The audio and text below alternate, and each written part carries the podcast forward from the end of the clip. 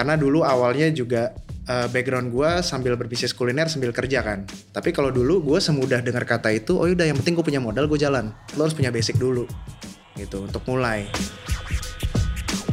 Hai guys, selamat datang di Foodcast teman-teman. Kalau yang mungkin dengerin ini lewat YouTube pasti bisa lihat gambarnya. Bisa lihat ada cowok ganteng di sebelah gua. Terus hari ini eh, episode hari ini menurut gua apa ya kalau boleh jujur tuh gue sangat senang karena uh, Gervin ini sendiri uh, dia adalah owner dari Kopi Kocok. Uh, satu itu kedua karena memang Gervin itu temen gue guys. Jadi kalau teman-teman belum tahu ceritanya gue kasih sedikit background karena gue berhasil mengundang dia kemari. Dia adalah temen gue di kampus dulu. Jadi kita uh, dulu di kuliahan yang sama, yeah. jurusan yang sama. Tapi ternyata pilihan karirnya menurut gue berbeda gitu. Karena kan emang orang pasti beda-beda ya. Nah, yang menarik adalah karena kita mau di foodcast ini mau ngomongin soal makanan dari sisi yang berbeda. Nah, ini adalah salah satu brand yang menurut gue pribadi setelah tadi sempat ngobrol-ngobrol sebelum on cam itu banyak banget inspirasinya, gitu. Nah, uh, jadi gini Vin, langsung aja kita mulai yang pertama. Yang pertama gue pengen yeah. tahu tentang cerita perjalanan lu di dunia kuliner sendiri. Hmm. Nah, karena kan kalau gue bisa bilang lu dari angle seorang pelaku bisnis yeah. di industri kuliner. Boleh yeah. nggak awal mulanya kenapa lu terjun ke kuliner? Ada background gak sih sebenarnya lu di kuliner gitu? Ya gue background nggak ada. Huh. Background di kuliner nggak ada. Dan pengalaman gue masih sedikit banget. Jadi gue baru start bisnis itu di kuliner 2013. Oke. Okay. Jadi 2013 itu gue mulai bisnis kuliner pertama gue. Hmm. Jadi gue mulai bisnis uh, pertama itu ya on the street produknya. Uh, uh. Itu sampai bisa waktu itu punya 4 sampai 5 titik. Yeah.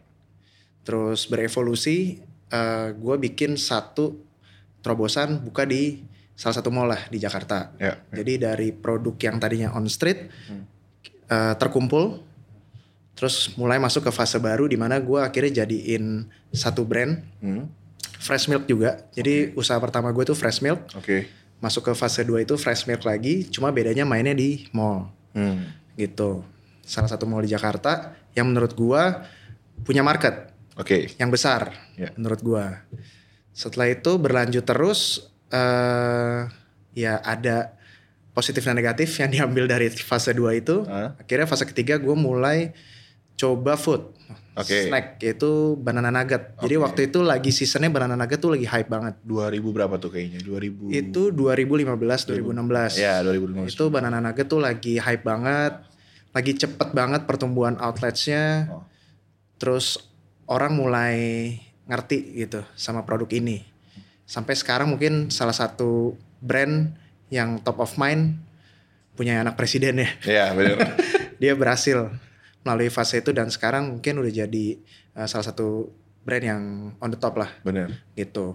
Baru fase berikutnya gue bikin brand coffee ini yaitu hmm. kopi kocok. Okay. Kayak gitu. Jadi kalau secara background nggak ada sih gue hmm. background F&B di family ataupun gue secara pribadi hmm. tapi lebih ke ketertarikan gue hmm. lebih ke interest gue terhadap industri ini oke okay. gitu nah terus apa yang jadi sebuah perbedaan antara yang sebelumnya di fase tadi tuh di fase yang lu pertama dan kedua ya bisa gue bilang ya hmm sama fase yang sekarang apa sih yang paling membedakan Vin sebenarnya? Selain tentunya saya secara size bisnis, tentunya yang sekarang kan secara ini sudah lebih besar ya. Iya. Betul. Nah itu perbedaannya apa Vin sebenarnya? Banyak bro. Hmm. Jadi kalau ngomong perbedaan dari 2013 ke sekarang, ya mungkin secara mindset, secara uh, knowledge, hmm. secara mental udah berbeda. Hmm. As a person juga as a kita ngerunning bisnis gitu ya. Yeah kalau di fase 1, fase 2, fase 3 itu ada jatuh bangunnya juga. Okay. Jadi ada ada berhasilnya tapi ada gagalnya juga. Huh. Makanya produknya nggak bisa sustain. Okay. Rata-rata produknya bertahan ya dua tahun, hmm. dua tahun, tiga tahun. Padahal kita mengharapkan satu brand bisa mencapai titik establish. Hmm, yeah, yeah. At least five years, lima tahun gitu. Betul. Nah, diharapkan di fase awal satu startup ini bisa mencapai titik lima tahun. Oke. Okay. Uh, banyak sih yang banyak yang bisa dipelajarin ya dari fase 1 mungkin dulu gua ya kita masih muda yeah. usia masih belasan karena dulu awalnya juga uh, background gua sambil berbisnis kuliner sambil kerja kan yeah, ya, yeah. Fandi tau lah yeah. lu tau lah bro hmm. Jadi kenapa dari awal kuliah malam karena gue sambil kerja. Bener, bener. Yang awalnya iseng jadi keterusan, akhirnya kekumpul dan terkumpul modal untuk bisnis kuliner. Ayo. Jadi waktu itu 2011 sampai 2013 gue kerja di properti Hmm. dan masih muda, masih banyak keinginan, terus masih agresif banget. Belum banyak network, belum banyak pengetahuan ya. Jadi gue coba aja. Hmm. Banyak dulu tuh banyak dengar pepatah eh, yang penting bisnis jalan dulu aja. Iya, iya bener. Padahal banyak arti di dalam kata itu kan. Salah satunya apa yang bisa dipelajari sebenarnya dari kata itu? Jadi artinya jalan dulu aja, artinya lo harus siap dari ya bisnis plan dan execution plan ya. Maksudnya siap membuat planning, Hmm. bukan artinya langsung jalanin bisnisnya. Oke. oke. Jadi lu mau menjalankan ya jalan aja dulu tuh. Lu harus menyiapkan menyiapkan bisnis plan-nya, menyiapkan execution plan-nya. Hmm. Oke. Baru dibedah lagi di dalamnya. Baru bisnisnya siap jalan. Oke. Tapi kalau dulu gue semudah dengar kata itu, oh yaudah yang penting gue punya modal gue jalan Oke. gitu. Nah itu kejadian di gua. Jadi waktu itu 2011 ke 2013 gue di properti, eh gue dapat cukup baik, income cukup baik, bahkan gue bisa double digit waktu Iya. itu di umur 17-18 menurut gue kayak wah ini Pencapaian oke banget. lah menurut gue gue coba-coba lah. Iya. Tapi ternyata eh, jalan Hmm. di fase pertama. Iya. Masuk ke fase kedua, gue coba keluarin dana lebih besar karena berjalan. Bener. gue coba jalanin ternyata eh, di bisnis kedua gue banyak hal yang sebenarnya gue nggak siap tapi udah gue jalanin yaitu ya terkait tadi bisnis plan dan execution plan tadi Hmm. gue nggak melakukan research yang dalam gue nggak melakukan eh, research terkait produk dan terkait market yang Oke. sesuai dengan produk gue Hmm. Gitu. Lalu execution plan-nya terhadap timeline juga acak-acakan. Oke. gue bikin proposal ke mall. Mungkin kalau sekarang gue lihat gue ketawa kali. Maksudnya ini jelek banget ya. Ah, gue bikin proposal gue bikin logo tuh jelek banget. Karena semua masih kerjain sendiri kan iya, semua. Iya. jadi ya itu basic banget. Lo harus punya basic dulu gitu untuk mulai. Nah waktu itu dengan basic cuma modal yang dulu ternyata modal tuh banyak arti juga. Hmm. Dulu anak muda ngeliat modal uang lah ya Iya bener. ya modal uang jalan 6 bulan berantakan Oke. karyawan nggak termanage dengan baik, omset nggak bisa menutupi opex, Hmm. ya akhirnya rugi. Oke. Bisnisnya rugi. Gimana pun caranya rugi. Hmm. Gitu. Tapi di situ gue ketemu eh, beberapa sosok yang punya brand di banyak mall, Iya. yang ngebuka eh, pemikiran gue lah terkait berbisnis tuh di kuliner tuh kayak gimana. Gitu. Gue dapat banyak insight karena waktu itu mallnya itu juga baru dapat kebijakan di mana mallnya kan di jalan protokol tuh Iya. di Gatot Subroto Hmm. itu dulu nggak boleh belok ke kiri. Oke. Nah waktu awal-awal itu ya demandnya menurun di mall itu Langsung menurun. langsung. Itu kan tahun 2014 tuh. Oke. Itu demandnya langsung menurun dan kita harus pelajarin juga research juga sama uh, tempat kita berbisnis entah nanti tempatnya food court atau itu ada manajemen mallnya Hmm.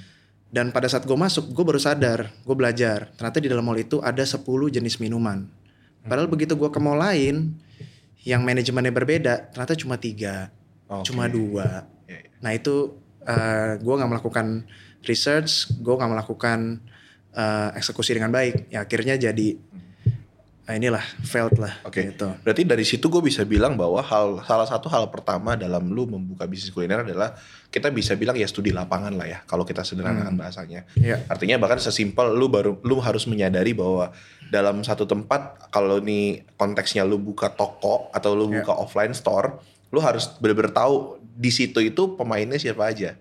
Betul. Ya kan? Karena kan mungkin banyak orang juga yang uh, bener kayak lu waktu Hmm. itu mungkin kayak gua misalnya mau bikin uh, makanan ya Berarti ya, cepat aja. Iya gitu kan yang Iya. penting oh ya udah nih ada ada lahan kosong biaya sewanya cocok bisa gue bisa masuk padahal kan sebenarnya sesimpel hal paling mudah nomor satu adalah lu lihat dulu competitionnya seperti apa di sana Betul, ya. marketnya seperti apa. Oke. Mungkin sebenarnya basket size-nya besar, Hmm, tapi karena terbagi sama 10 pemain, itu Iya. jadi kecil banget, Bro. benar benar. Padahal ternyata kalau eh, kita effort, kita sabar untuk prepare produknya, untuk bikin bisnis plan dan persiapan dengan baik, sampai eksekusi bisa baik, itu kita mungkin ketemu lokasi yang pas. Hmm.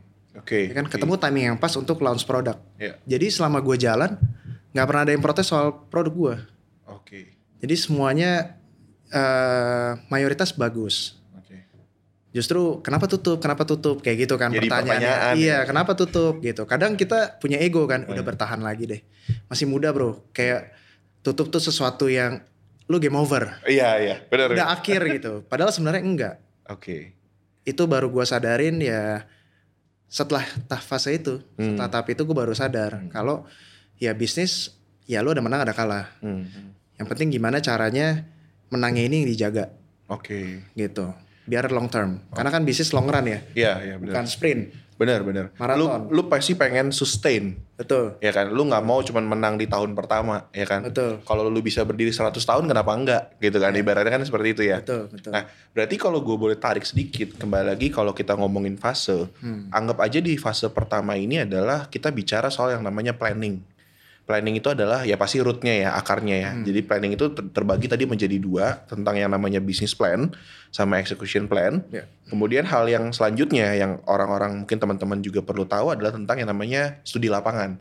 Itu Hmm. hal teknis ya, maksudnya hal kecil yang mungkin orang banyak juga belum tahu ya. Harus research lah, apalagi Ya. benar-benar fase awal ya. Uh-huh. Even lu datang dengan privilege punya modal Oh. atau even lu cuma punya konsep. oh, menarik nih. Iya, jadi Oke. itu uh, adalah hal yang paling basic kalau buat gue pribadi ya. Oke. Research oke. tuh penting banget. Oke, oke. Ketika lu udah research, lu benar-benar tahu uh, kapan lu harus launch, Hmm. kapan lu harus uh, promosi ini, promosi itu, kapan lu harus keluarin produk ini, produk itu.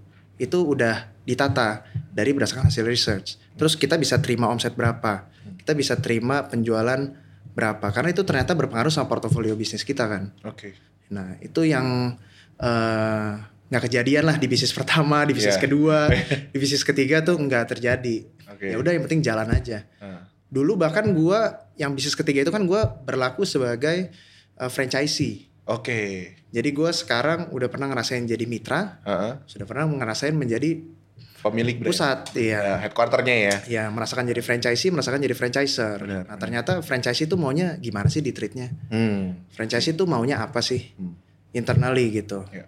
Secara pribadi dan secara produk dan secara brand. Ya. Mereka tuh maunya kayak gimana. Nah gue bisa franchise itu dalam waktu cuma dua minggu. Jadi gue merasa oh kayaknya oke nih, Oke. udah buka bayar gitu, Iya. jalan. Lokasi oke nih, ya udah dapat jalan gitu. Oke. Padahal itu ternyata Ternyata gue harus research dulu Nah kan. itu dia, kayak kembali lagi ya berarti. Iya, Oke oke. Nah sebenarnya menarik nih, Vin. Ngomongin soal tadi lu udah berperan sebagai franchisee, sekarang lu berperan sebagai franchiser. ya. Eh, boleh sedikit nggak lu ceritain sedikit, gambarin sedikit tentang kopi kocok sendiri. Hmm. Jadi kan gue yakin sekarang udah di eh, kurang lebih udah 32 cabang ya Vin ya bener ya? 32. 32 cabang ya.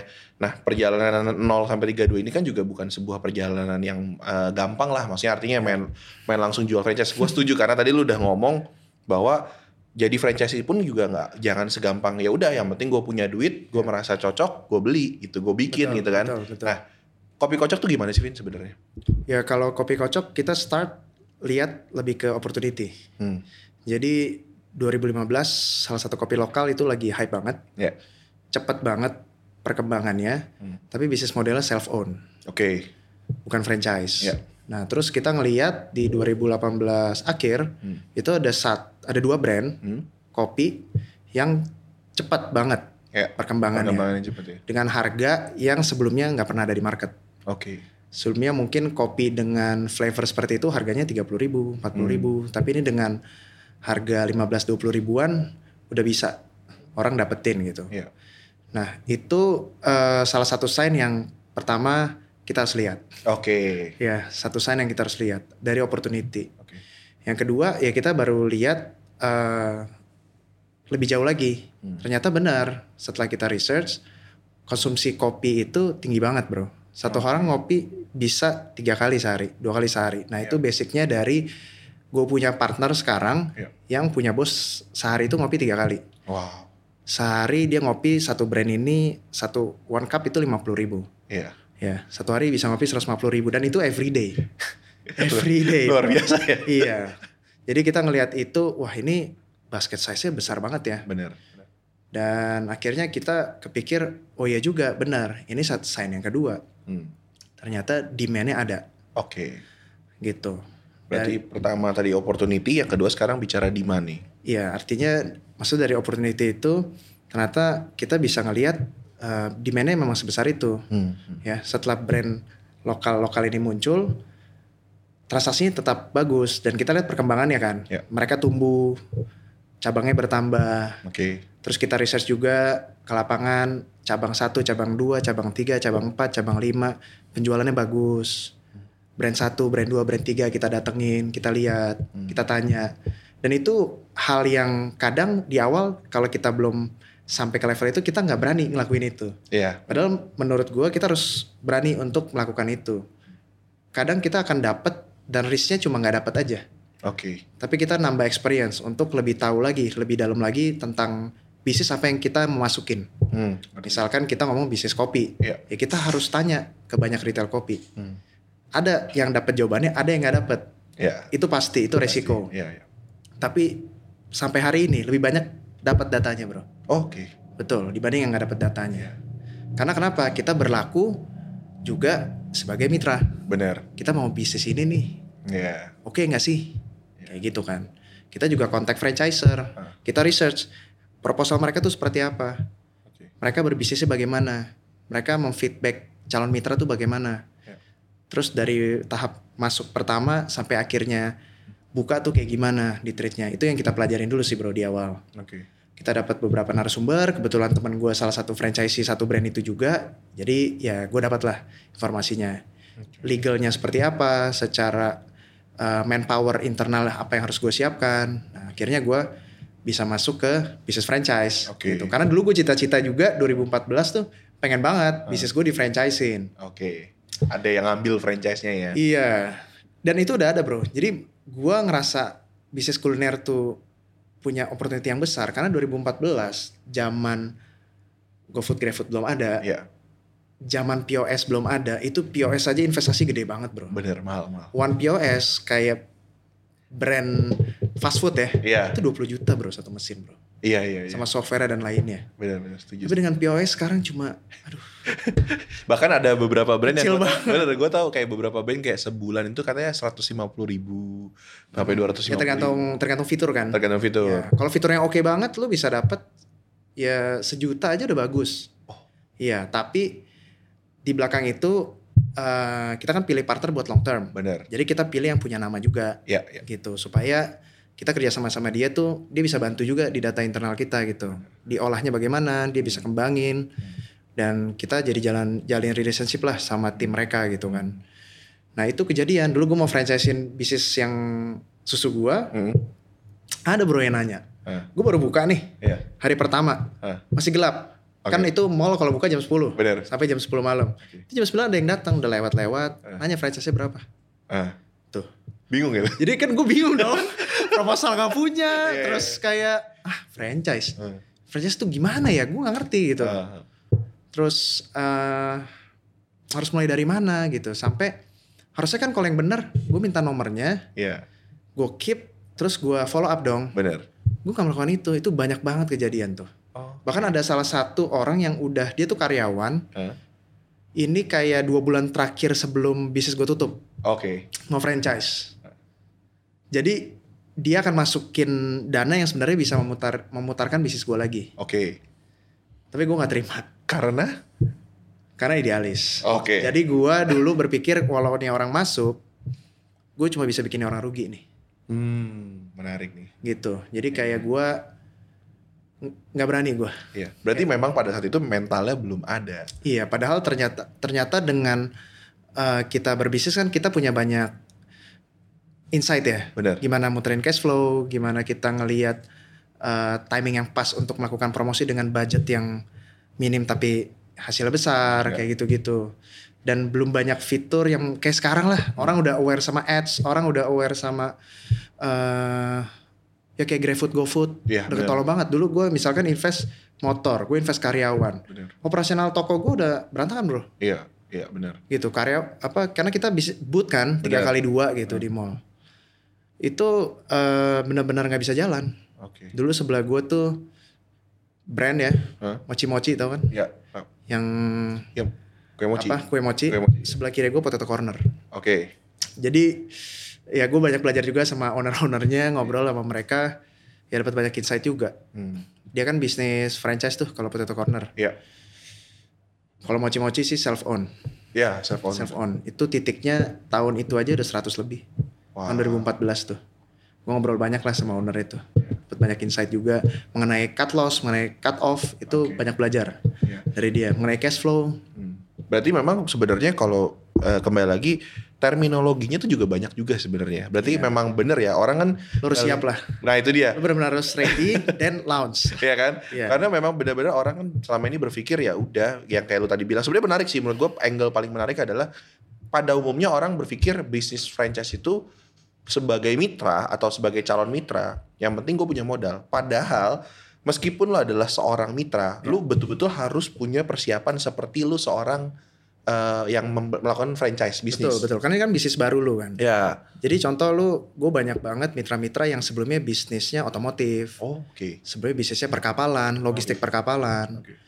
Terus ada yang sebelumnya bisnis handphone, sebelumnya bisnis elektronik. Hmm. Ini adalah bisnis yang kesekian mereka. Oke. Okay. Entah yang bisnis kesian mereka coba atau ini bisnis yang mereka interest lah, hmm. gitu.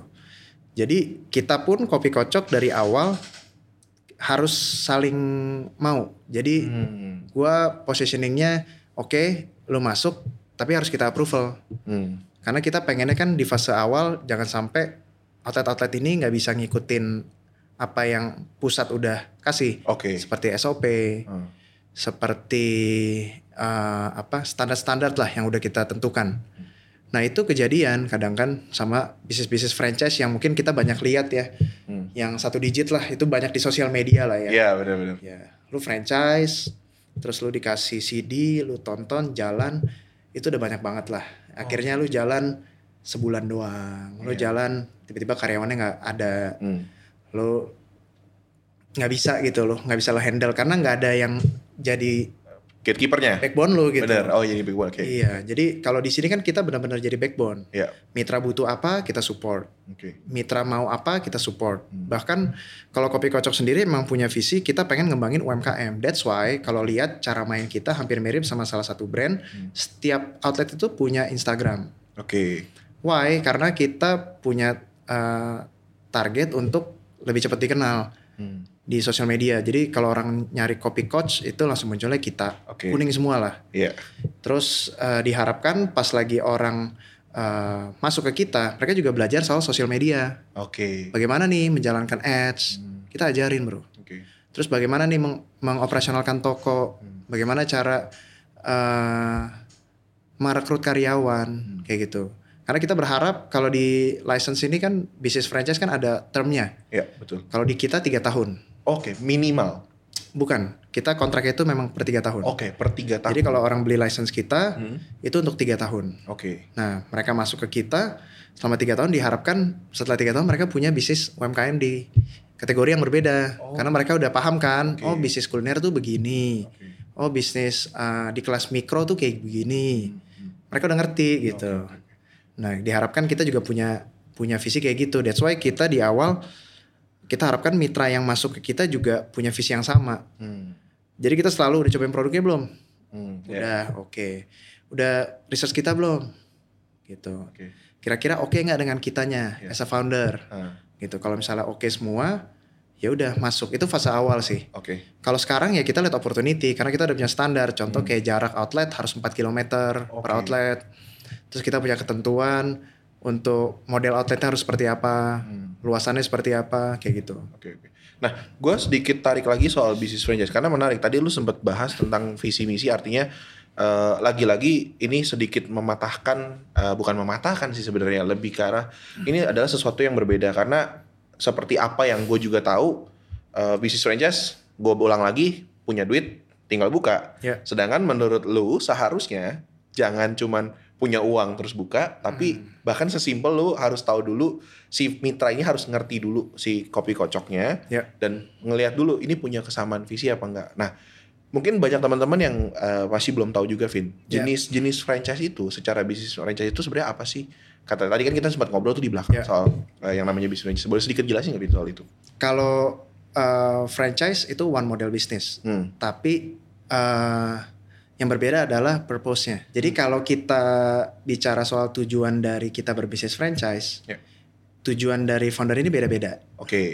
Ya, ada yang memang fokusnya ke produk. Oke. Okay. Ada yang fokusnya ke brand, okay. ke lisensi, ya yeah. kan? Karena beberapa brand juga ada yang cuma jaraknya 2 kilo, lu bisa buka, men. Oh. Lu punya duit, jarak 2 kilo, lu bisa buka. Yeah.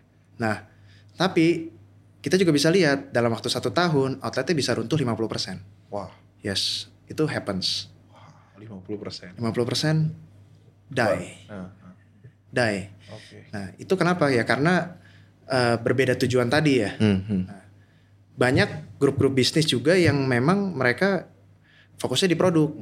Nah, produk ini kan long term ya. Hmm.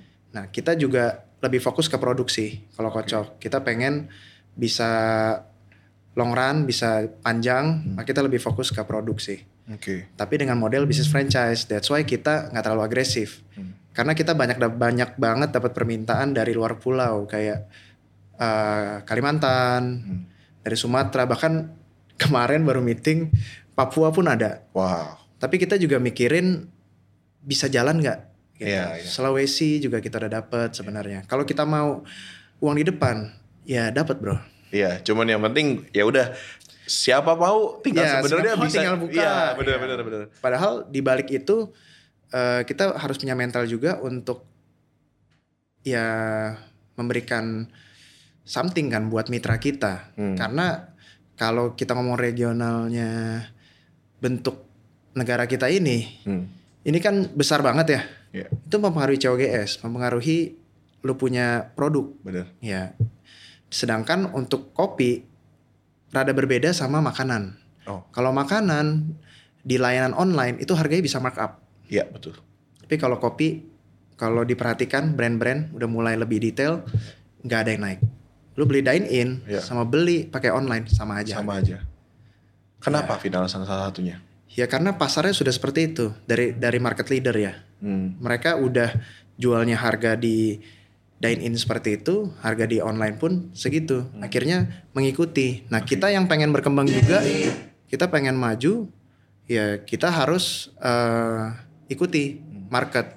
Akhirnya kan banyak pertanyaan dari mitra kan. Mitra nanya, "Ini gimana ya kalau ke sana kan biaya logistiknya besar. Hmm. Ini kan pasti pengaruh ke modal minumannya." Yeah. Nah, itu yang uh, kita harus siap. Nah, okay. kalau menurut gua uh, untuk uh, saat ini gua lebih fokus ke produksi.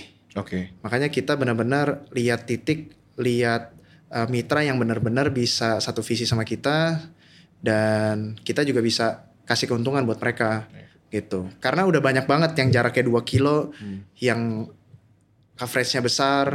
Beda kalau self own. Hmm. Karena kalau franchise kan sama self own berbeda. Yeah. Kalau self own cash flow-nya terpusat. Benar. Centralized. Yeah. Uh, lu bisa uh, tutup, yeah. bisa gali, tutup. Iya, benar-benar. Ya, bisa seperti itu. Yeah. Lu tinggal tinggal lihat. Karena semua keputusan resikonya pun di lu sendiri di pusat. Iya. Betul. Tapi kalau franchise kan di masing-masing individu. Iya. Nah, itu yang Dan lo harus punya pertanggungjawaban atas itu kan sebetulnya. Betul. Jadi lebih berbedanya kalau franchise lebih ke tujuan dari brand tersebut. Hmm. Memang jual lisensi, hmm. apa jual uh, produk. Oke. Okay. Jadi nggak ada yang salah. Hmm. Hmm. Banyak banget produk-produk uh, brand-brand maksudnya yang jual lisensi itu banyak banget. Oke. Okay.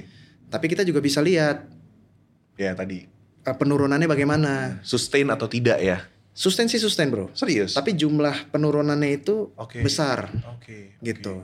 Apakah tetap buka? Tetap buka. Oke. Okay. Tapi apakah uh, jumlahnya itu menurun? Menurun. Jadi ada buka, ada tutup, ada buka, ada tutup. Oke. Okay. Gitu. Jadi uh, bukan yang buka satu buka lagi sebulan depan satu hmm. sustain gitu yeah. bukan seperti itu karena kan kalau beda beda franchise sama cellphone kan perputaran cashnya kan juga beda yeah. gimana kita dapetin investasi pun berbeda hmm. ya kan Betul. jadi ya di sana sih perbedaannya kalau menurut gue sih gitu oke okay. berarti gue bisa simpulkan bahwa memang ini yang menarik sebenarnya karena lu sendiri sebagai founder dari Kopi Kocok uh, lu betul-betul menginginkan nantinya setelah si uh, mitra-mitra ini mengambil franchise atau sebagai franchisee dari Kopi Kocok ada banyak added added value yang mereka dapetin ya dari lu gitu. Betul, misalnya dari betul. dari Kopi Kocok sendiri karena memang eh, gua rasa eh, tadi kita sudah sama-sama tahu banyak juga yang metodenya bahkan yang modelnya ya ya udah yang penting buka gitu kan Ya, yang ya. penting jadi gitu kan Benar. Nah, kalau eh, ngomongin sedikit tentang lu nih, Vin. Sebenarnya tadi gue mau mau eh, tarik sedikit pengalamannya gini. Kan lu ini gue taunya dari dulu kita kuliah bareng itu kan lu sambil bekerja, Iya. sambil juga buka bisnis nih di Iya. di industri kuliner ya. Ya. Nah, kenapa? Maksud gue gini, kenapa kalau dengar dari cerita lu kan sebenarnya pada saat di fase 1 lu kerja di properti, lu udah punya modal, Hmm. lu kembangin, sebenarnya pasti juga udah ada keuntungan lagi. Kenapa lu masih tetap bekerja? Sambil kerja terus gitu. Iya, kenapa? Karena kan gue tahu lu terakhir ini bahkan kalau teman-teman belum tahu, nanti mungkin bisa cari juga tentang Gervin di LinkedIn mungkin atau di apa. Iya. secara karir menurut gue bukan biasa-biasa loh guys. Menurut gue karirnya juga bagus sebenarnya secara profesional. Bisa aja nih orangnya. Tapi bener, ka- karir lu, gue tahu secara perjalanan karir lu dan maksud gue ini menarik gitu loh karena orang kebiasaan, Vin. Karena gini, kita anak muda selalu punya pilihan kan sebenarnya. Hmm. Gua kalau mau punya karir bagus ya udah fokus aja di karir. Ya. Kalau gua mau coba fight sebagai wira swasta atau entrepreneur, ya udah gue jalan aja di entrepreneur gitu kan. Tapi kalau lu nih gue menarik nih, lu datang dari langsung dua kaki kalau gue bilang lu tuh main Ya. di dua kaki. Kenapa, Vin? Ya karena eh gue masih pengen networking. Oke. Gue merasa masih ya masih perlu banyak belajar. Hmm. Jadi gue eh masih di fase explore nih. Hmm. Bahkan nih ya kita ngobrol di sini ya gue masih kemarin kita kontekan ya gue bilang kan sama lu gue masih explore banget Van. Iya. Gue masih explore. Iya. Kenapa ya? Karena gue masih banyak belajar lah. Oke. Karena banyak banget senior-senior yang udah di level yang hebat. Hmm. Hmm. Yang gue banyak belajar lah. Oke. Di level profesional, karir, dan juga di usaha. Jadi akhirnya jadi teman, jadi networking kan jadi teman. Kadang gue dapet project juga dari banyak hal lah dari networking itu, Oke. dari network gitu. Hmm. Nah itu sih yang pertama, Oke. faktor pertama. Yang faktor kedua ya gue merasa eh, di titik di mana ya tadi yang masih harus belajar. Oke. Yang ketiga ya masih ada opportunity-nya Oke. gitu. Jadi gue masih bisa mengendalikan bisnis gue Hmm. ya dengan gue punya partner, dengan gue membuat skema yang kerja yang pantas dan Hmm. fit dengan bisnisnya Oke. itu masih running well sampai sekarang gitu. Jadi gue belum ada titik di mana gue harus gue harus lepas nih salah satu. Hmm. Mungkin lo pernah dengar kalau orang harus keluar dari zona nyaman. Benar. Ya. Terus ini ini banget sih terlalu klasik ya. Jadi orang suka bilang kalau kerja itu zona nyaman. Iya. Kalau usaha itu bukan zona nyaman. Iya, nah, benar, benar. suka dibilang lu harus keluar dari zona nyaman, Bro. Iya. Baru lu bisa usaha, baru lu bisa maju. Oke. Itu udah kayak di kepala orang-orang deh. Hmm. Padahal menurut gue zona nyaman itu adalah ketika lu bisa keluar dari zona diri lu sendiri. Maksudnya begini. Contoh kita punya target kopi kocok tahun lalu dari 2019 start kita pengen 10 outlet. Oke. Kenyataannya kita bisa bikin 30 outlet. Wow. Itu kan kita mulai dari target kecil ya. Iya. Tapi kalau kita di 30 outlet, udahlah berarti udah 30 outlet udah puas gitu. Atau kita udah masih umur segini nih, gaji udah segini. Misalkan ya lu kan karir juga bagus bro. Jadi eh, ada kepuasan. Nah menurut gue itu adalah titik zona nyaman itu. Oke, kepuasan berarti ya. Kepuasan. Benar-benar. Nah padahal lu mau jadi profesional di karir Ah.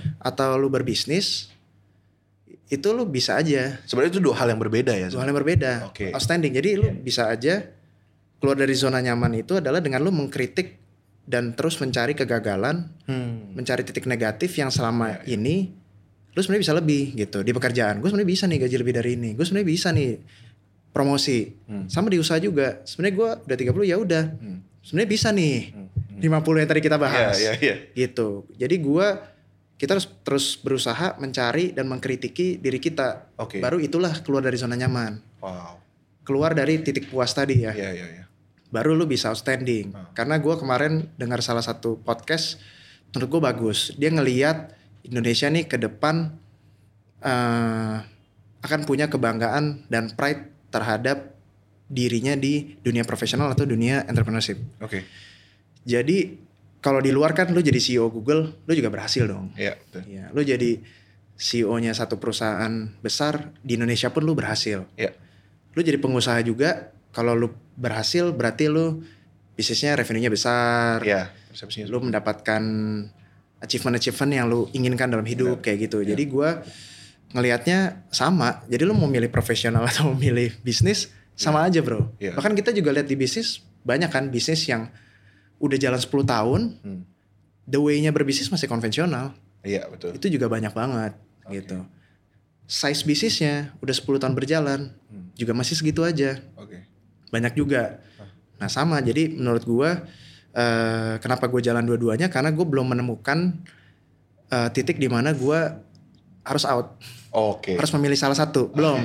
gue masih ngelihatnya fine-fine aja, masih yeah. bagus dan gue masih pengen banyak explore, masih pengen networking juga. Yeah. Karena gue banyak ketemu posisi-posisi uh, manajemen level yang gue ketemu juga sama orang-orang yang gue anggap mentor gue yang mereka bisa ngasih keputusan gue dalam berbisnis yang menurut gue gue nggak pikirin gitu. Hmm. Gimana sih cara way out dari ini, way out dari masalah ini, way out dari titik ini? Okay.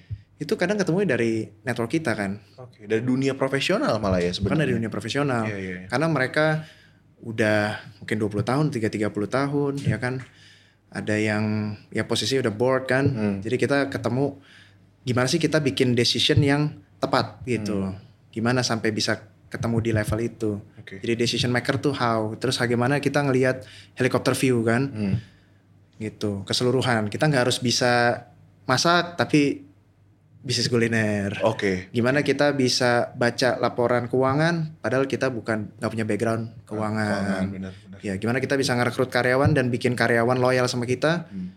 Padahal kita bukan backgroundnya bukan HR misalnya. HR atau psikologi ya, kayak ya, gitu. Ya, Nah itu gue banyak belajar dari uh, orang-orang itulah. Oke oke. Gitu. Berarti ini ini insight lah. Benar. Berarti ini sebenarnya perspektif yang menarik lagi bahwa persepsi orang selama ini adalah lu harus memilih salah satu. Sebenarnya malah ketika lu menjalankan dua-duanya bisa memberikan benefit uh, ke satu tambahan, sama lain. Benar, benefit tambahan karena tambahan. ternyata lewat kalau dari case-nya lu ya, lewat karir lu, keputusan bisnis lu malah terbantu. Betul. Karena lu ketemu sama orang-orang yang sudah uh, berusaha sebelumnya yang bahkan lebih dulu. lebih dulu bahkan udah jauh mungkin udah sepuh ya kita bilangnya ya, ya udah ya. 30 tahun 20 tahun di dunia bisnis. Bahkan ada Van gue ketemu orang nih uh, dia usahanya besar skalanya. Oke. Okay. usaha tambang. Oke. Okay. tapi sekarang masih karyawan hah? Serius? Iya. Dan hmm. dia bahkan lebih kaya dari direktur dan mungkin komisarisnya lebih kaya. Oh iya? Iya Oke. Okay. Gitu. Jadi uh, fokus itu bagus. Jadi mungkin uh. punya kecenderungan ke salah satu. Menurut gue itu harus. Itu yang dinamakan yeah. dengan fokus kan. Yeah, yeah, yeah. Tapi bukan artinya lo harus memilih salah satu. Sama kayak gue ngelihat pebisnis-pebisnis besar itu bisa menjalankan berbagai bisnis yeah. sehingga bisnisnya bisa menggurita, bisa besar. Benar. Nah ini kan masalah delegasi, masalah lu bisa membuat diri lu di level itu kan. Yeah. Menjadi decision maker dan lainnya punya knowledge yang bisa lu salurkan ke banyak hal. Jadi gue ngelihatnya juga sama. Gimana gue bisa bikin bisnis dari kopi kocok bisa lahir mudah-mudahan bisa hmm. lahir brand-brand baru yeah. ya dengan gue belajar melakukan hal ini secara hal ini secara paralel. Oke. Okay. Nah ketika mungkin saatnya sudah tiba ya mungkin gue akan lihat kecenderungannya ke mana. Benar, benar. Tapi fokus di mana gue lebih fokus ke sini lah bro. Hmm, hmm, hmm. Gitu. Oke. Okay. Sebenarnya tadi kalau gue sedikit conclude itu juga bicara soal sistem kali ya sebenarnya karena lu kan juga mungkin nggak nggak full time artinya nggak lu belum di saat ini belum memilih salah satu hmm. uh, which means ya sebenarnya lu tetap uh, bagi porsinya kedua hal dua hal yang berbeda ini yeah. tapi ketika itu ada sistem yang lu bisa yang sudah berjalan yang sudah uh, memang sudah pakemnya sudah dapat itu ngebantu lu banget ya sebenarnya bantu banget terutama hmm. ya pengalaman tadi hmm. jadi ternyata kita lebih dulu uh, punya pengalaman tuh kita dapat knowledge lebih lah oke okay, okay. gitu mungkin banyak pengusaha yang lebih duluan lah tapi start dari 2013 tuh ya membawa banyak hal lah buat gua. Hmm, hmm. Maksudnya untuk ngelewatin krisis bagaimana. Yeah. Terus early stage-nya bisnis tuh harus mulai itu bagaimana? Yang tadi kita ngomong di awal ya. Oke, okay, oke. Okay. Nah, gimana nih menghadapi krisis ini? Oke. Okay, okay. Karena pasti semua bisnis pernah lah di posisi struggle Ya, ya. sampai akhirnya bisa panjang kan Benar. umurnya. Nah itu itu yang uh, gue pelajarin lah yang gue Oke. dapet. Nah, sekarang ngomongin soal bisnis franchise lagi nih, Vin. Masih Ya. ngomongin soal scope-nya franchise. Sebenarnya apa sih yang paling eh, apa ya? Paling awal teman-teman tuh harus miliki ketika mereka memutuskan, oh, oke, gue pengen mulai nih bisnis franchise. Atau bahkan kalau bisa sesimpel, eh, lu boleh nggak sharing ke teman-teman? Anggap aja ini teman-teman sama seperti lu di 2013 ya. Iya. Ketika mereka baru pertama kali memulai bisnis eh, Iya. di, di dunia kuliner tuh apa sih yang sebenarnya eh, yang harus mereka siapin, yang paling penting bahkan dan apa yang kayak kalau gue sih sebenarnya tadi udah ada beberapa hal yang menurut gue bagus banget sih. Nah itu bisa nggak tolong bagiin buat teman-teman? Ya mungkin di awal yang penting banget nih teman-teman harus mulai dari bikin dua hal yang simpel ini. Hmm. Tadi gue udah sebutin sih. Hmm, hmm. Sekarang kan sarana internet udah udah besar banget. Lo Yep. bisa dapetin sumber informasi ya dari Google ya kan, dari YouTube, banyak belajar. Jadi paling penting sih sekarang jalinlah dan bikinlah eh, yang namanya business plan sama execution plan. Oke. Itu dua hal yang anak muda kadang ah males lah bikin paper kayak gini. Hmm. Ah males lah bikin kayak gini ribet, udah mulai aja dulu gitu. Padahal lu bikin business plan itu ada yang simple banget. Boleh nggak dibagiin apa? Namanya business canvas. Oke. Ya, business canvas ini adalah di dalamnya itu cuma satu paper, Ya. tapi di dalamnya itu adalah keseluruhan dari bisnis lu, Oke. DNA-nya. DNA-nya, DNA-nya. Oke. DNA-nya, dan tujuannya pun semuanya ada di sana Oke. di, Dan di bisnis canvas itu. berarti bicara nanti Jadi ada bisa visi aja, ya. betul. Gimana? eh ya mungkin yang dengerin ini cari aja bisnis canvas Oke. gitu.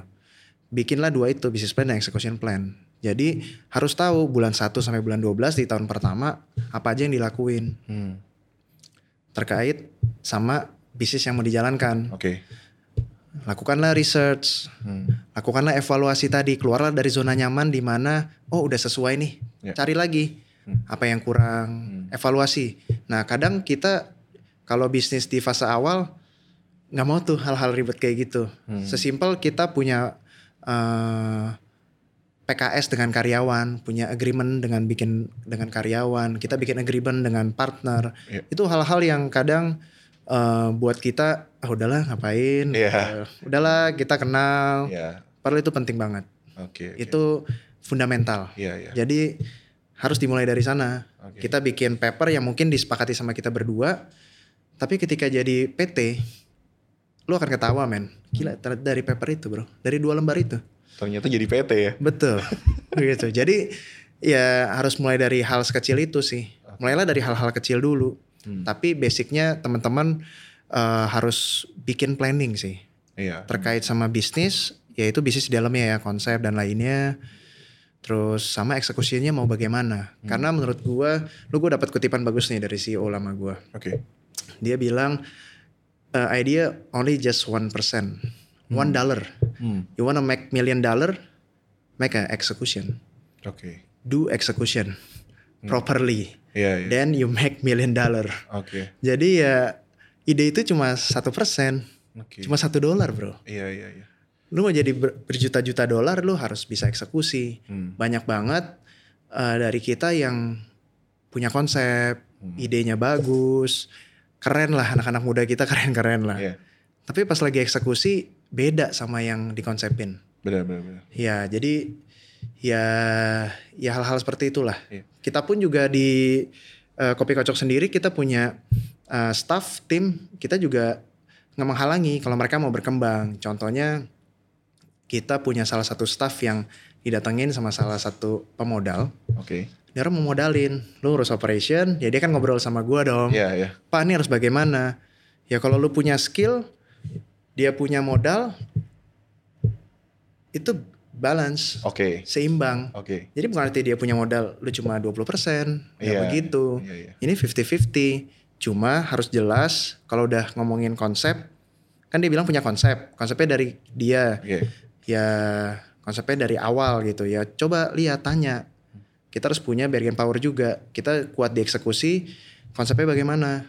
Hmm. Jadi kayak kita kan jalin kerjasama sama GoFood, GrabFood, sama eh, e-wallet, e-wallet ya. Ya.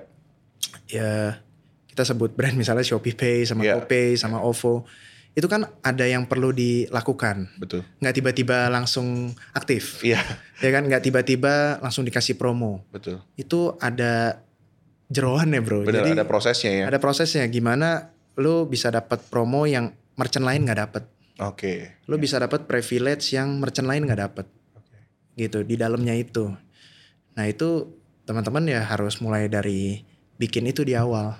Oke. Dari business plan sama execution plan. Nah kalau itu udah mateng, baru boleh mulai. Iya.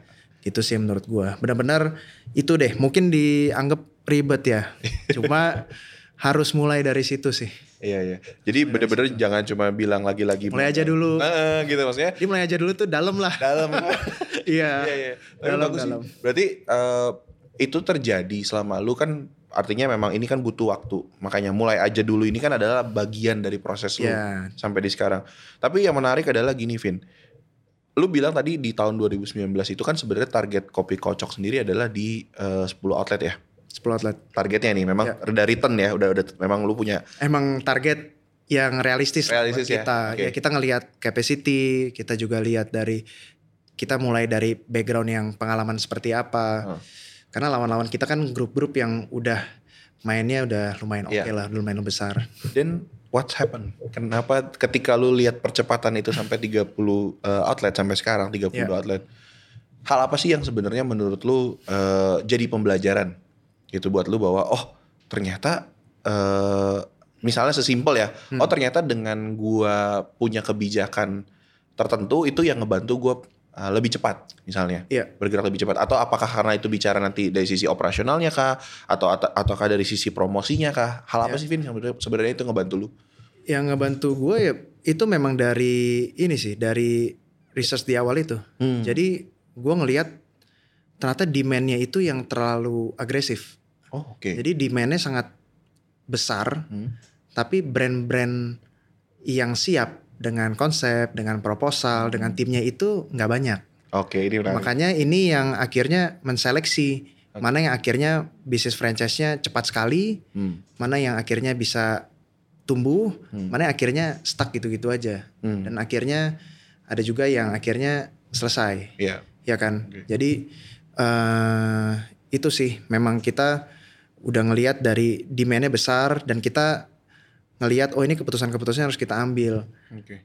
Tadi mungkin kita sempat ngobrol ya di belakang layar Iya, iya. kayak eh mungkin kalau buat sebagian teman-teman gua keputusan lo udah tepat, Vin. Oke. Oh berarti tepat nih, bagus. Tapi sebenarnya ada keputusan yang lebih sangat tepat Lebih sangat yang kita tepat. ngobrol tadi. Iya. Iya, itu yang eh yang menurut gua zona nyaman gua. Hmm. Yang tadi gua pun begitu. Gua Iya. merasa udahlah udah lewat dari 10. Iya. Sempet, sempet kayak gitu. ya? Iya. Tapi akhirnya terus nambah, ah udahlah, udah lebih bagus lagi. Oke. Tapi gua nggak keluar dari zona nyaman gua. Hmm. Nah, akhirnya itu yang mungkin teman-teman mungkin nanti kalau ada podcast Hmm. lanjutan Hmm. gua Iya. bisa diundang lagi sama Bapak Fani dan teman-teman. Oh iya dong pasti dong. Ya mungkin itu udah di fase yang berbeda lagi. What's next Vin buat kopi kocok? Ya, kita eh, next year 2021 kita akan rubah packaging. Oke. Jadi eh, kita punya new seal baru Oke. akan lebih berwarna. Jadi kita punya identity yang kita punya yaitu kita memang USP kita kan di eh, brand sama produk-produk kita lah ya, Hmm, yang pionir itu. Jadi kita punya produk USP kita memang di kopi keju tabur pertama di Indonesia. Oke. itu Kopi kita keju tabur pertama di Indonesia. Karena kalau cream cheese, Ah. cream macchiato udah banyak. Oke. Makanya kita ambil ide ini sebenarnya dari salah satu minuman yang gue suka itu minuman lokal juga cuma di pelosok gue sampai ke sana tuh dua jam tiga jam ya itu eh di Bandung lah gue sebutin lah Oke. jadi ada satu warung minuman Ah. itu enak banget minumannya Oke. minuman keju Oke. gue sama teman gue tuh dua jam ke sana cuma minum sejam turun lagi Jakarta Wow. untuk bikin minuman itu ternyata menurut gue ada yang kurang nih kalau kita cuma bikin minuman keju Oke. kita masuk ke market kalau kita kuatnya di kopi susu doang nggak bisa kita Hmm. harus bikin kop orang tuh tertarik ke kopi kita kenapa Betul.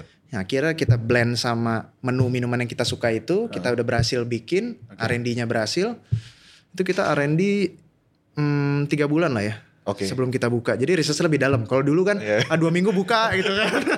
ada uang udah buka. ya kan? siap jalan itu. Ya. Tempat-tempat ya. oke okay, buka uh, gitu. Uh, uh. Ini kita persiapan sampai tiga bulan. Wow. Benar-benar research produk, research lokasi, terus uh, benar-benar udah siap timnya, baru kita start gitu. Jadi uh, kita temuin ini, kita berharap ya orang kenal kita dari kopi ngeju, walaupun okay basket size-nya kopi susu di Indonesia tuh emang besar banget. Besar ya? Besar banget.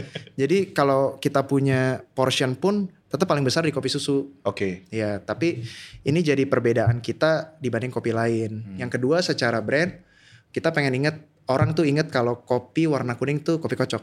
Oke. Okay. Ya, biasa kan kopi classy. Iya. Yeah. Terus uh, lebih warnanya black, dark gitu. white gitu. ya, brown, yeah. warna-warna itu yang kayak gitu. Yeah Nah kita pengen kasih yang berbeda gitu okay. secara brand. Lalu yang ketiga kita pengen sampaikan ke market kita punya wording yang nyeleneh, kita menjadi brand yang nyeleneh. Nah itulah tiga tiga uh, positioningnya kocok lah. Yeah, yeah. Jadi kopi kuning ya kopi kocok. Uh. Terus kita adalah pelopor kopi keju tabur, hmm. ya kan. Nah kita berharap juga orang sama nyelenehnya kita bisa intimate lah. Okay. Makanya kita bakal nextnya kita warna sile bakal hitam kuning, okay. benar-benar identitinya kita. Terus cup juga bakal berubah bentuk. Oke. Okay. Kayak gitu. Terus uh, kita punya kru tahun depan bakal berubah tampilan semua karena kita kasih new uniform buat seluruh outlet. Wow. Ya, jadi benar-benar akan berubah 2021. Uh. Dan lagi prepare buat brand kedua, mudah-mudahan lancar. Wih. 2021 awal sih. Kita udah research sudah mau bulan ketiga Hmm, mudah-mudahan 2021 awal bisa launch. Oke, okay, berarti nah, akan soon 2021 awal. 2021 ya? awal ya. Jadi nah. ya itu itu yang paling paling deket sih itu. Oke, okay, nah ini berarti teman-teman teman-teman yang dengerin podcast ini harus tahu nih. Hmm. Lagi-lagi kan bicara soal momentum juga ya Pak. Tadi kita sempat ngomong soal momentum. momentum. Jadi ini kenapa sih lahir uh, brand kedua ini? Uh -huh. Karena COVID. Wah, jadi, ini menarik nih. Iya, jadi ternyata uh, investasi dan ekonomi ini perlu distimulus hmm. dengan hal-hal yang lebih fit sama uh, produk-produk okay. ya yang relevan sama keadaan. Hmm. Nah, kita banyak lihat grup-grup besar kemarin main itu investasi bisnisnya kalau bisnis franchise kayak kita ini kan hmm. uh, angkanya di ratusan juta ya. Hmm. Jadi orang harus invest ruko, kios, Betul. dia harus renovasi, yep. harus rekrut karyawan awal. Jadi uh, brand-brand lain pun sama Hmm. Investasinya memang di segitu karena iya, rata-rata ya, ya. kan kios dan ruko. Betul betul. Uh, tapi brand dan grup-grup besar ini lagi coba main di angka investasi yang UMKM ya. dan itu menstimulus di mana uh, orang COVID yang mungkin banyak ya orang yang akhirnya nggak kerja struggle ya ya terus mereka bikin bisnis sendiri terus atau yang bisnisnya tadi skalanya besar turun jadi skala menengah yang hmm. tadinya bisnis skala menengah turun dari skala bisnis kecil bahkan yang bisnis kecil hilang. Hmm.